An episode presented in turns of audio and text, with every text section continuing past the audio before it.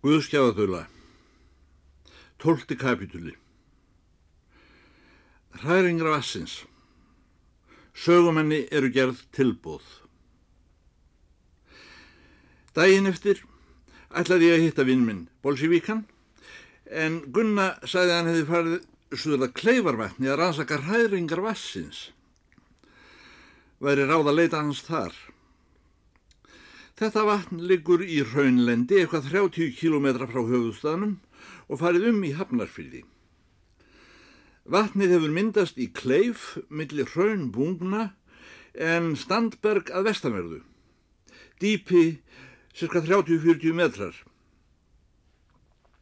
Í þessu vatni voru dulurfullar hræringar. Þannig að vassborð hækkaði þar og lækkaði á víksl eftir lögmálum sem henn ekki skildu. Bolsjevíkin var fegin að sjá mig og bauð mig velkomin til Kleifarvass. Ég lið til ljós undrun mína að hitta hann í námunda við Fjallavöld, frægan byltingarmann. Hann sagði að það var síður hér á landi þegar menn fóru að verða örðugir í þjóðmálum og til trafala hjá stjórnvöldum. Þá fenguður sporslur og stundum embætti við að rannsaka hræringar kleifarvass eða annara tvílíkra vatna. Sjálfur sagðist hann frá æsku árum hafi verið veikur fyrir vötnum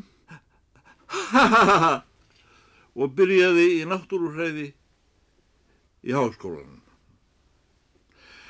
Hann síndi mér vísindalegt tæki er hann notaði við rannsóknir vassins og ég sá það vinna lítið turnu skíli reys utan í vassbakkanum yfir vassborðinu og rann þar pappirsræma á velgengu kepli í sambandi við flótholt sem hækkaði og lækkaði eftir hreyfingu vassborðsins uh, og var blíjandur uh, sem gerði línuritt af hreyfingum vassins á pappirinn. Eh, menn höfðu lengi velti fyrir sér hvernig á því stæði að vatnið hækkaði og lækkaði án sínilegar ytri orsakar. Höfðu myndast um það kenningar og skoðanir sem en deildum í blöðunum, sem leiðist dulltrú. Lengi hafi verið talið að flóðs og fjöru gætti í vatninu en við rannsókn kom fram að reyfingin fylgdi ekki lögmáli sjávarfalla. Og hafði nú verið sínt fram á að ef um flóð og fjöru var að ræða á þessum stað þá hlaut kleifarvatn að hafa einhverja sérsamninga við túnlið.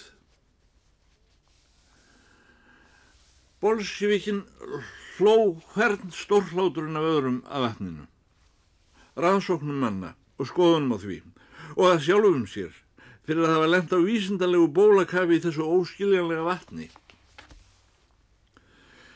Síðan böðum mér fór kaffi úr hitabrúsanum sínum. Við settumst niður og hann hægt að hlæja. Þagnaði og fór að sísla við að ná tappan úr hitabrúsanum. Í hvert sinn sem þessi maður hægt að tala og gerði sig alvarlega kom á hann annarlegur einstrengingsvipur eins og svefngenglum eða hundi sem er að býta gras. Þegar við höfðum drukkið sinn bollan hór úr þessum eina bolla sem var skrúaður upp á stútin, þá veik hann að erindi sínu við mig og bað fyrirgefa að hann hefði dreyið mig út í þessa eðimörk. Hvað það vera óvilja verk af sinni hálfu og væri honum ekki í mun að endur taka freystingarsögun úr heilari rítningu. Sem reyndar gerðist einnig upp á ofurháu fjalli. Sænt ætlaði hann að gera mér dálti tilbúð. Hann hefði lesið eftir mig smágreinar og heyrt efni úr bókum mínum hjá Gunnu því hún las bækur. Hún líkaði vel við andan í bókunum og þeim báðum hjónum. Gunnar að minnsta kosti eins vissum heimsbyltingun og ég, saði hann, og kannski enn vissari því henni var bölvanlega við þegar ég tók að mér að selja Íslandsíld í ráðstjórnaríkjónum fyrir íslensku borgarskettina. Við borgarlega ríkistjórn er ekki hægt nema eitt og það er að gera byltingu, segir Gunna. en ég segi við Gunnu, það er hlægilegt að ímynda sér að heimsbyltingin byrji á veðurbörnu skeri næstum mannlausun orður hjá heimskauðsbög. Hitt erum við samfærðum að heimsbyltingin kemur, hún kemur meira að segja okkar tíð og það veit ég að þú efast ekki um heldur. Það er vísast hún komið, segi ég. Við skulum eins hvort ég vona það. En, en hvernig kemur hún? Hann svara snakkur upp á lagið Það er dialektist spurnál. Og lætur þar við sitja í byli. Þegar hann var búin að sækja í sig veðrið, byrjaði hann ræðu. Aðeins eitt skiptir máli fyrir okkur smáþjóðir. Og það er eins og skátarnir segja að vera viðbúnir. Verið viðbúnir að veita byltingunni viðtöku þegar hún kemur. Og munið að þegar við segjum bylting þá meinum við heimsbyltinguna til aðgreiningar frá putsjónum í uh, Suður-Ameríku. Verið viðbúnir að greiða heimsbyltingunni götu, skilja hana og veksa hana þegar hún kemur. Ég veit að stóru sósialistarnir, engum þeir þísku, fyrirlitu smáþjóði niður fyrir allar hellur og töldu þær einski snýtar fyrir framgang heimsbyltingarinnar. Þeir vissuðu við það öngu síður að í smáþjóðunum yrðu að vera til staðfastir menn sem aldrei skipt um skoðun. Tilbúinir að taka völdin hver á sínu litlu veður börnu skeri þegar öregarnir í þeim stóra heimi hefðu líst verklýðsríkið sigursvælt á jörðinni. Hvílik eind að vera smáþjóðamadur, segir Engels á einum stað. Mér minnir í brefi frá London Til að mynda hitt ég á dögunum Íslending, skrifar Engels. Ætli það ekki verið Grímur Tomsen, þessi Íslendingur. Og sagði hann mér að unaðslegust og eskuminningar sínar væru bundnar lyktinni af úldnum grút í fjörunni og mögriétnum þoskhausum sem lágu til þurks upp á görðum. Ha ha ha ha! En þetta má engin skilja svo að við séum útskúaður frá heimsbyltingunni öðru nær. Öngvar þjóðin munu fagna heimsbyltingunni eins og smáþjóðir. Því heimsbylting er það að allar þjóðir verða að einni stór þjóð. Heimsríki öregana þar sem friður ríkir og sannleikur býr og enginn er voldugur af því hann er stór, eðlegar ömur af því hann er smár. Þess vegna er allt undir því komið að eiga óbílandi flokk framvarðarsveit öryganna sem hefur grúskað í Hegel og skilur dialektiska efnisíku hjá Marx og er undir það búinn að styðja byltinguna jæmlega með vopni hendi þegar hún kemur og stjórna verklíðisríkinu þegar bylting öryganna hefur sigrar. Ég veit hún kemur og þess vegna get ég setið hér rólegur og lagt stund á særingar vassins. Eftir þessa oratjón, sem í þann tíð var engin orasjón, heldur aldarspegil, kom bolsjevíkin að erindinu. Okkur er lífsnöðsinn að eiga á öllum höfuðpunktum skjelega menn sem halda kindli byltingarinnar á lofti og glæða hjá verkamönnum sjónamið dialektíkinnar sem því miður heitir þrætubók í fónreitunum og er vond auðlýsingarnafn á óhrekjanlegri allsherjar lífskoðum tímas. Staður er nefndur Djúbvík. Ég og Gunna höldum mikið upp á þann stað. Þar hefur nú árum saman verið einn þingdardepill okkar. Við höfum verið svo hefnir að hafa þar fyrir okkur mann sem er að samaskapi lærður byltingamæður og harðvítur atvinnureikandi. Ha ha ha ha! Það var erfitt að átt að sjá hvernan átti við þegar hann sagði við erum sannfæriðir eða við erum svo hefnir því hann komst svo að orði ímist um sig og gunnu sem um leið var orðin kallkins eftir beigingunni erlegar um sig og flokkin Nú nú þessi ágæti djúb vikingur sem við vorum svo hefnir að hafa hann var orðin hrefsnefndarmadur, síslunefndarmadur og alþingismadur forstjóri fyrir bæjarútgerðinni, dittó fyrir sildarverksmiðu, dittó fyrir verkliðsfélagi djúbvíkur og dittó fyrir blaðnemdinni sem átti prentsmið á staðnum og gaf út vikublað á sildarverktíðinni til að herða mannskapin í stjættabaráttinni. Við gefum okkar rittstjórum ekki fyrirmæli, nema þetta eina orð, heimsbyltingin. Að öðru leiti ertu frjáls. Við höfum haft þar sama rittstjóran í fimm ár. En á endanum fannst okkur hann vera orðin hálgjörður anarkokommunisti, líklega upp úr viski hjá Bessa Hjálmarsinni og ef nokkuð er, sem okkur er uppsigaðra við en auðvaldið, þá er það vinstri villumenn. Svo við erum að hugsa um að gefa rittstjóranum lausni náð í sumar. Og þar af leiðandi vantar okkur nýjan rittstjóra frá 1. júli til ágúst loka. Og þá er ég komin að tilbóðinu sem ég ætlaði að gera hér.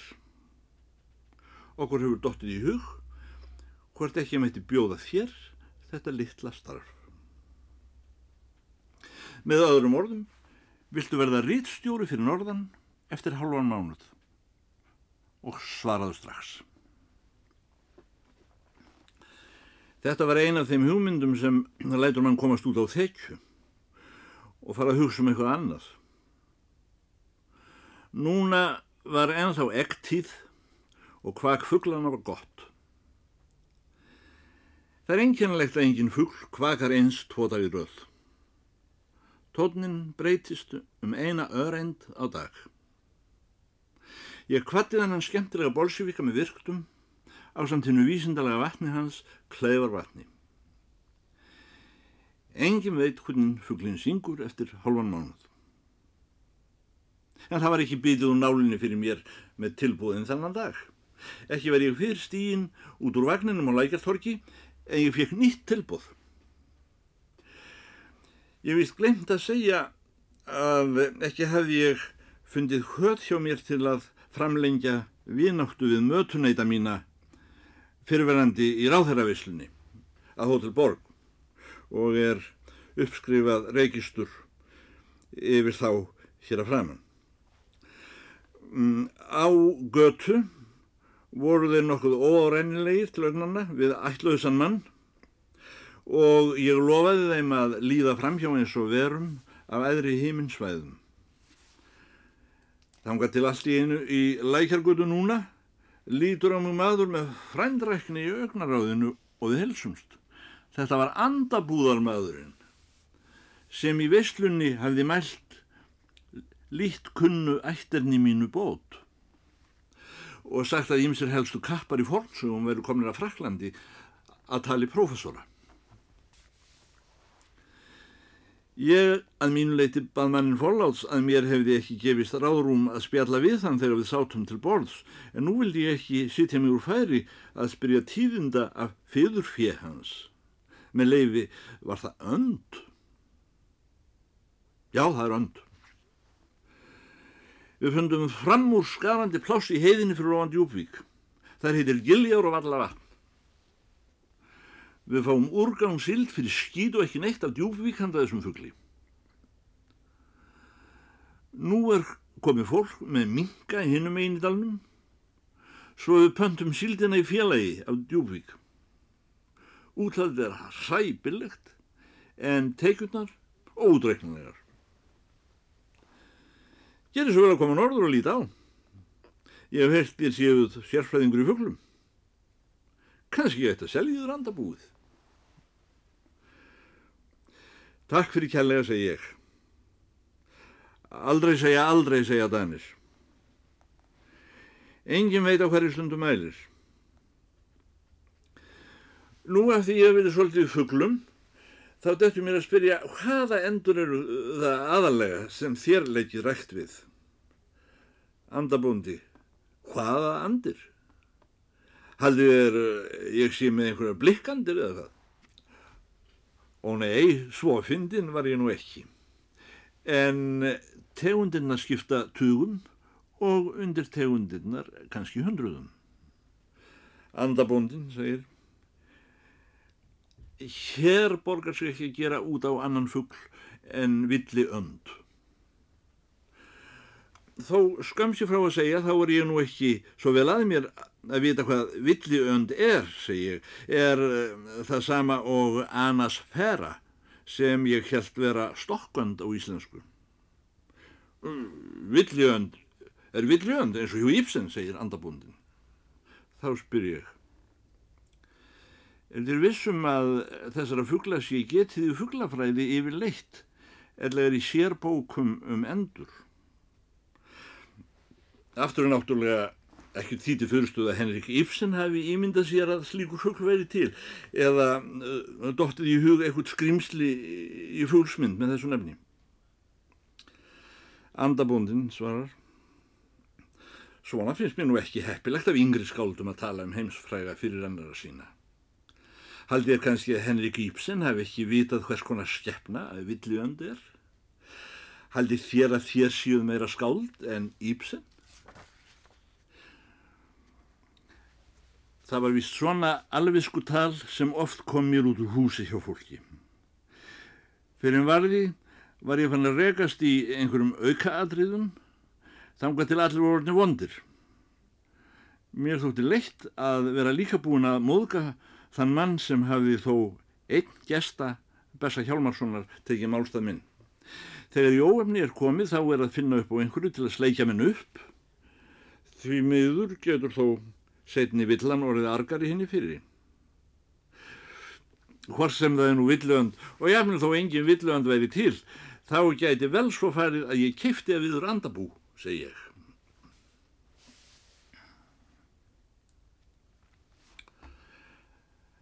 Trettandi kapitúli. Varphænuteksti. Tvær varphænur óskast kiptar suður með sjó vegna sjúklings sem er að ná sér LSG. Puntur. A-vaf-á. Þessi auglýsingi vísi lindi ögn á sér eins og oft vil verða um stutta texta. Hvað er þeim manni á höndum sem svona auglýsir? Vil hann kaupa varphænur eða æskir hann þess að varphænur verði keftar af honum?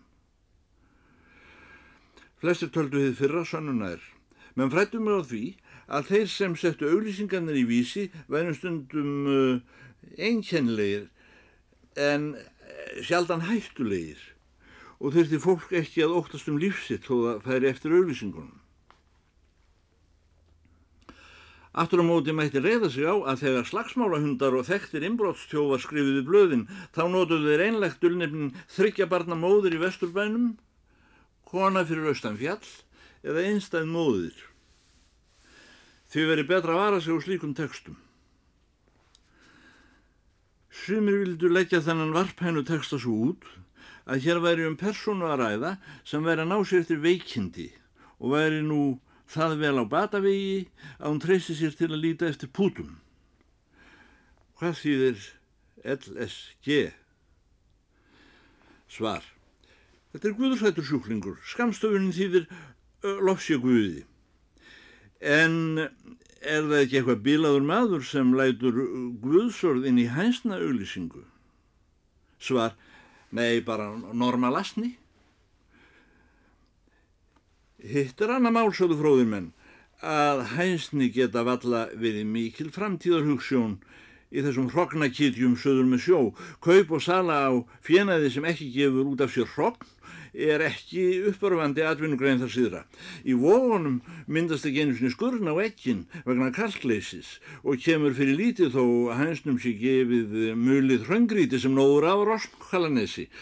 Auk þess verður svo mikið sjómetisbræð að ekkjónum, þarna söður frá, að flestir söður þar kjósa heldur að geta fiskin ómengaðan áður en hann er búin að fara gegnum fugglin. En hvað ætlar auðlýst sandin að gera við tvær varpænur og öngan gallfugl? Tótt honum kannski ógróft að nefna slíkan fugla og brendi í svona fínu bladi. Eða veit fólksuður með sjó ekki að eigi e, hænur að koma gagni verður að vera hani og hún er að blekja og, og, tilhurs. Í allri fugglaverslun eru menninir það skrýtnasta. Menn hljóta að vera enn meira rannsóknarefni fyrir fuggla en fugglar fyrir menn. Fugglakaupmaður tekur meysinn með hænsnunum út úr bílskottinu, söðum sjó og gæðist undir yfirbreðsluna. Hænsnin lágu fast hvert upp að öðru og rumskuðu alla í meysnum. Ég breyti e, yfir aftur svo þau getur sofið áfram. Mér síndust suðurdinnar á þessu stóra húsi eitthvað óárænilegar, eh, hurðirnar ég með læsingarlausar eftir við negldar aftur. Þrep og handrið í tröppunum, sumpart brotinn, tún í mist mosavaksinn eða í örtröð. Ég gekk kringum húsið.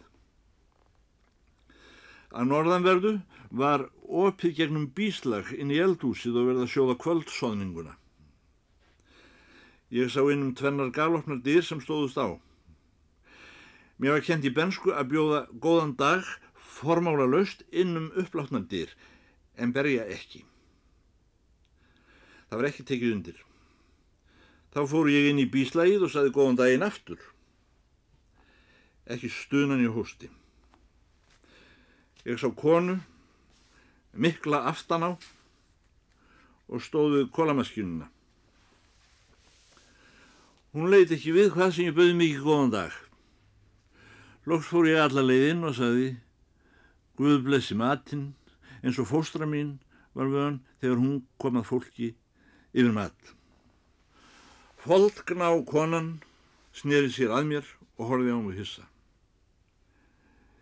Fyrirgeður hrú. Ég veit ekki almenlega hvað ég er stattur. Kannski ég að villast. Það lítur að vera, sagði konan, þetta er uppgjafahúsi dúsbræðra. Ef dúsbræður eru fluttir burt, segi ég, með leifi, hún eru þá komin í staðinn? Konan svarar, bondi minn kefti móverkið þegar dúsbræður voru komin yfirum. Íbúðarhúsið, ef hús skildi kalla, búðina sem var reyndar ekki lengur neinn og all mannvirkinn, bryggjuna, fiskreitina, pakkúsin, skipin. Já, sá er ekki aldeilis á heljarþrauminni maðurinn íðar, kalla ég, kaupir heilar borgir. Konan ítti fiskstykkjónum með fingurgómanum dýbra onni pottin uns vatnaði yfir þau. Hvaðan úr óskupunum kom þér, góði maður, spyr hún. Sögum maður. Ég er maðurinn með varphænurnar. Ha, sagði konan og horfið á mig hátt og látt, mikil í augum. Maðurinn með hvað? Með hvað segist þér vera? Þó hún verið foldgná, var það ekki í þeim skilningi að hún þjáðist af fransbröðs og bakkelsisfytu sem týttir um örægakonur. Var meira að segja fín og dömulegt til fótanna. Ég saði til naps. Þegar hún brosti, kom upp úr dúlnum Eh, þó brosi væri kallt að hún hefði meira lítið farið til tannleiknis af konu sunnan með sjó. Skrifið þér ekki stundum í blöðin, sagði hún. Æ, maður fær bara óorðaði, svara ég. Þér skrifiði blöðin samt, sagði konan. Ég les það reyndar ekki, því það er ekki mín trú. Hvað eru þér sem skrifði blöðin að vesenast með hænsni? Veit ég nefnir þér setið mjög bók? Ég reynda að samfæra konu um að hún skildi ekki vera hrætt þó ég byggi til bók. Það hefðist lítið nema skömmin upp úr því að búa til bók og því hefðu margir góður rítvöndar orða stund að sprengjukast í frítunum sínum og sem er ræðuhöld á almannafæri. Ég eftir á móti sel fuggla í hjáverkum minn. Hverjir kaupa fuggla að manni eins og yður, saði hún. Ég sel fuggla aðalega þeim mönnum sem eiga annarkvört of fáa fuggla eða er allsöngum fuggl. Mér skildist af auglýsingu frá yður í vísi í gær að hér vantaði fuggla. Svo fóru leikar að konan viður kendi að hafa sett auglýsinguna í blæðið. Dóttir mín hefur verið veik um tíma. Það hefur einn engin líf. En nú er hún að hjarna við að því Jehova vill að hans vottar komist klakklust gegnum harmageddon sem er fyrir höndum. Nú þvægir mér um hendunar og helsiður. Með leifi eru þér ekki að spyrja þegar konan er búin að helsa mér. Ég er fiskstúlka, saði konan. Ég saði konunni að þegar ég heyrði orðið fiskstúlka þá ditti mér æfilega í hug meifiskur. En konan var ekki gefin fyrir hótfindni. Ég er í vaskinu, saltinu og reytónum. Stundum við pökkun líka, saði konan. Og flatningsborðið hefur stundum verið eina borðið mitt. En meðan við erum að tala þetta smá fyllist eldúrskettin að börnum sem eru komin að hlusta á hvað móður þeirra sé að segja við ókunnan menn. Einhvern veginn fannst mér ég hálf kannast við ættanmót á þessum börnum. Sögum að þú segir. Ekki sínist mér ég séu nú algjör einstæðingur frú. Frúin.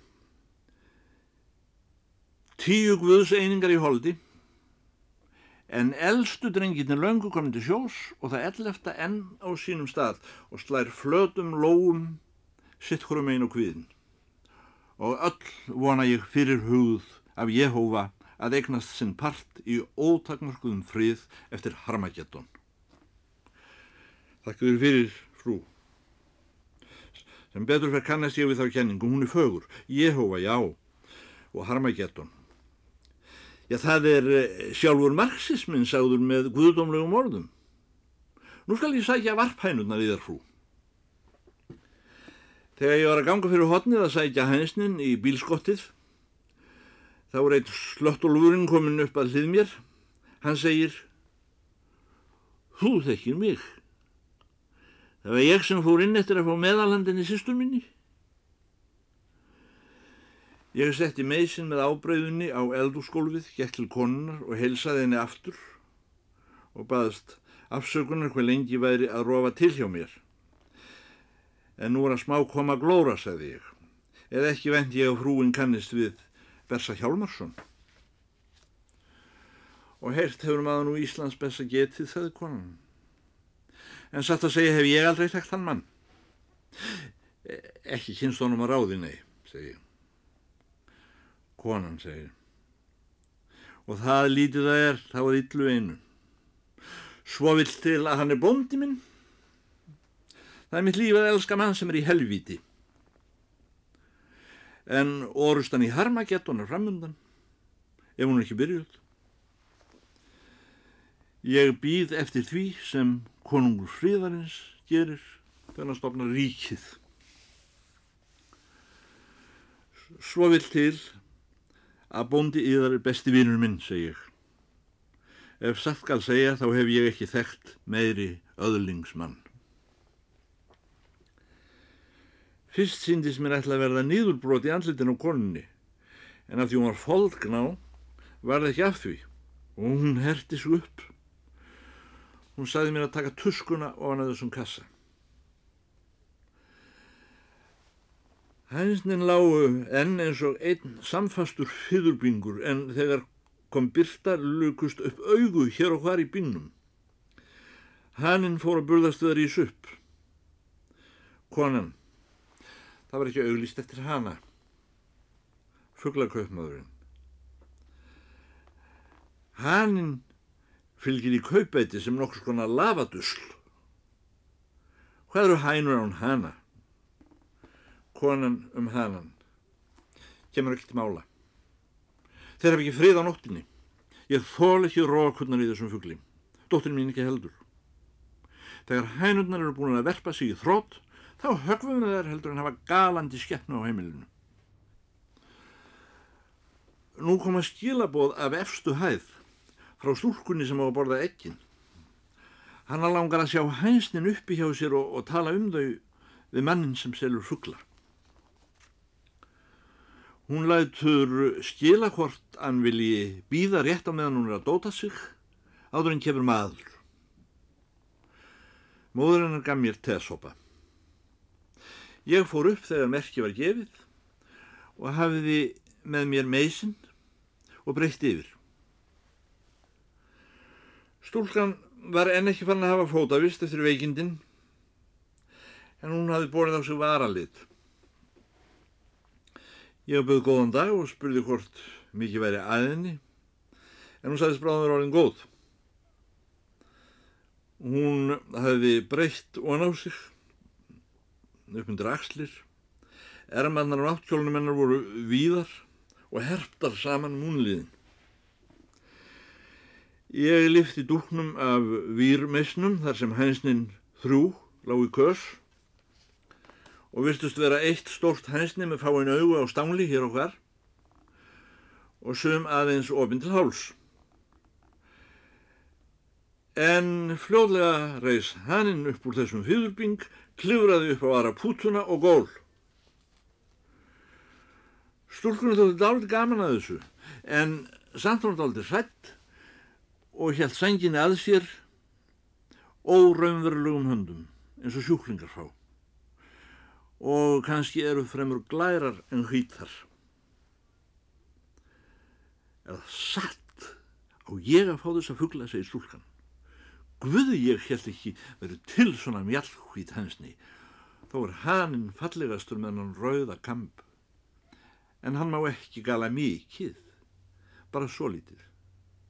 Annars verði ég sætt. Hún hafi þess konar stert og geyslandi hár sem á ungum stúlkum lifir góðu lífi útaf fyrir sig ef það verða veikar, líka ef það er deyja. Og augun blá geysluðu í samræmi við þetta gula hár. Hún talaði þvinguna lust eins og í léttri vímu. Ef tilvill hafði hún tekið meðal áður en ég kom inn. Ég saði stúlkunni að þetta væru fyrstaflokks hvítir ítalir en þorði ekki að minnast á að móður hennar hefði haft við orð að fella hanan. Ég vildi að ég fengi að hafa þau hérna inni hjá mér, saði stúlkan. Það er nú ekki svo gott að hafa hænsni inni hjá sér, segi ég. Áhverju ekki? Það hefur vaknað snemma mótnana. Það ger ég líka, segir stúlkan. Til að hafa hænsni inni hjá sér verður maður að hafa fleira sameigilegt við þau en vakna snemma á mótnana, segi ég. Stúlkan horfi undrandi á mig hvað ég var lítill kavalér í tali.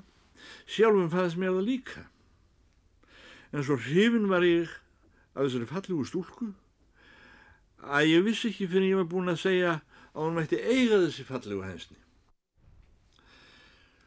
Takk, saði stúlkan. Afskaplega held ég þessu góðum aður.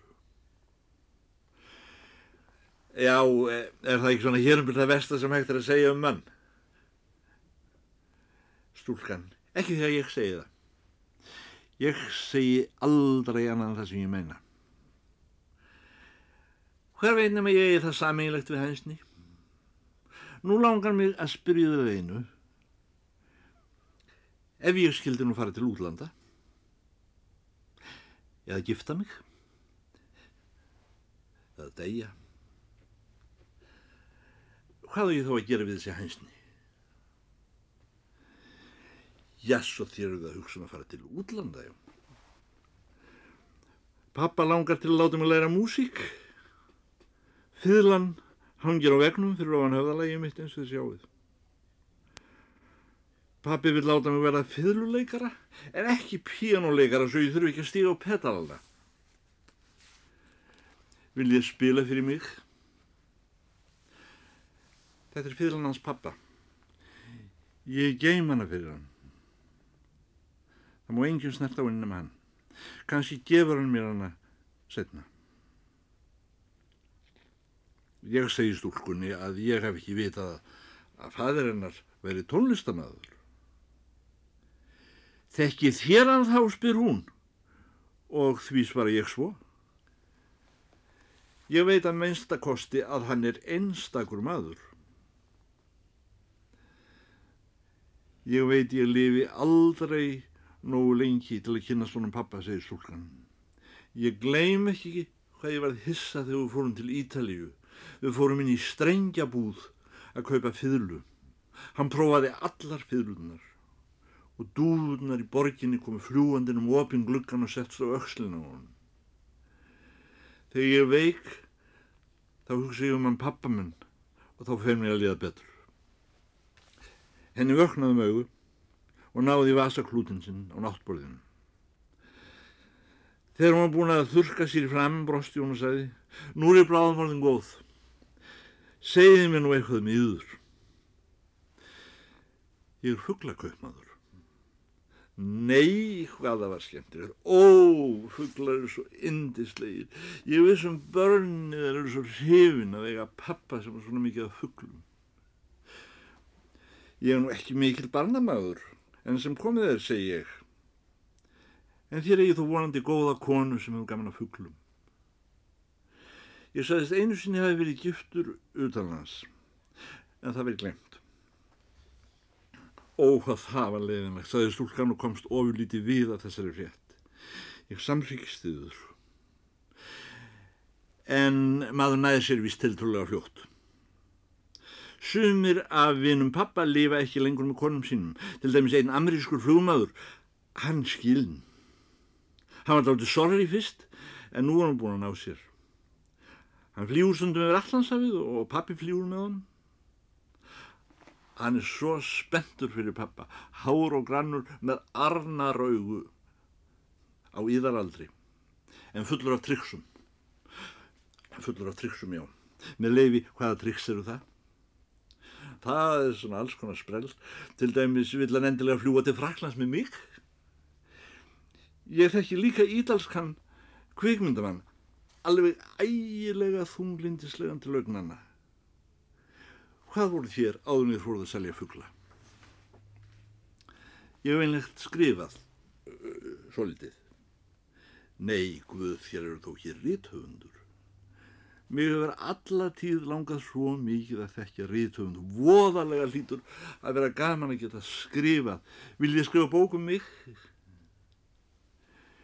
Því miður held ég all skástu plásin síu uppönduð í næstu bók, segi ég. En einhvern tíma kannski. Hafið skrifað alvöru bók sem hefur komið á prent?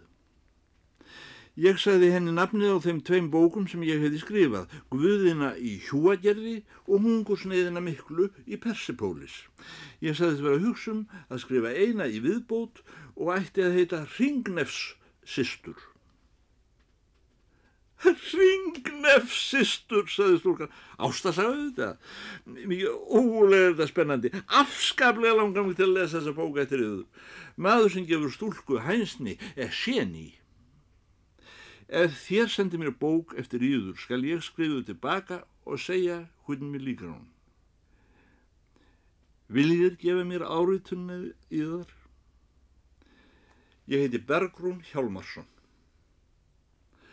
Áriðtun mín er óviss, en þá segi ég, eins og er lítur hérst út fyrir að ég kaupi andabú norður í landi og fara að koma þur upp sérstakri önd. Kanski komið þér að heimsækja mig þegar þér er orðin góð og nú er liðið á kvöld og ég er áriðanlega búin að þreita yfir nós og ég ætla nú að fara að hýpja mig. En mikið er ég ánæður að hafa kynstiður. Vil ég nú blessaður og sælar og til lukku með hænsnin. Bók. Já, ég skal muna það. Þá dettur mér í hug. Ef ég skildi nú hitta föður yðar, einhvern tíma bráðum, á ég ekki bara hverju? Nei, nei, nei, í guðanabænum, saði Bergrún Hjálmarsson. Ekki segja við þekkjumst. Aldrei. Þér hefði aldrei séð mig. Ég hef aldrei séður. Við sjáumst aldrei framar. Hvað myndan pappi segja ef hann vissi ég þekkti kallmenni laumi? Vottar Jehova myndu berja mig. Kanski lifi ég ekki eins og til hausins. Þar að þau gefum við von á þessu mikla kvikmyndamanni frá Ítalíu og flugmenninu mínum kannski. En ef þeir gefið mér áritun á andabúið, þá skal ég skrifiður þegar ég er búin að lesa bókina. En ekki nema örfáar línur. Og takk fyrir hansinn.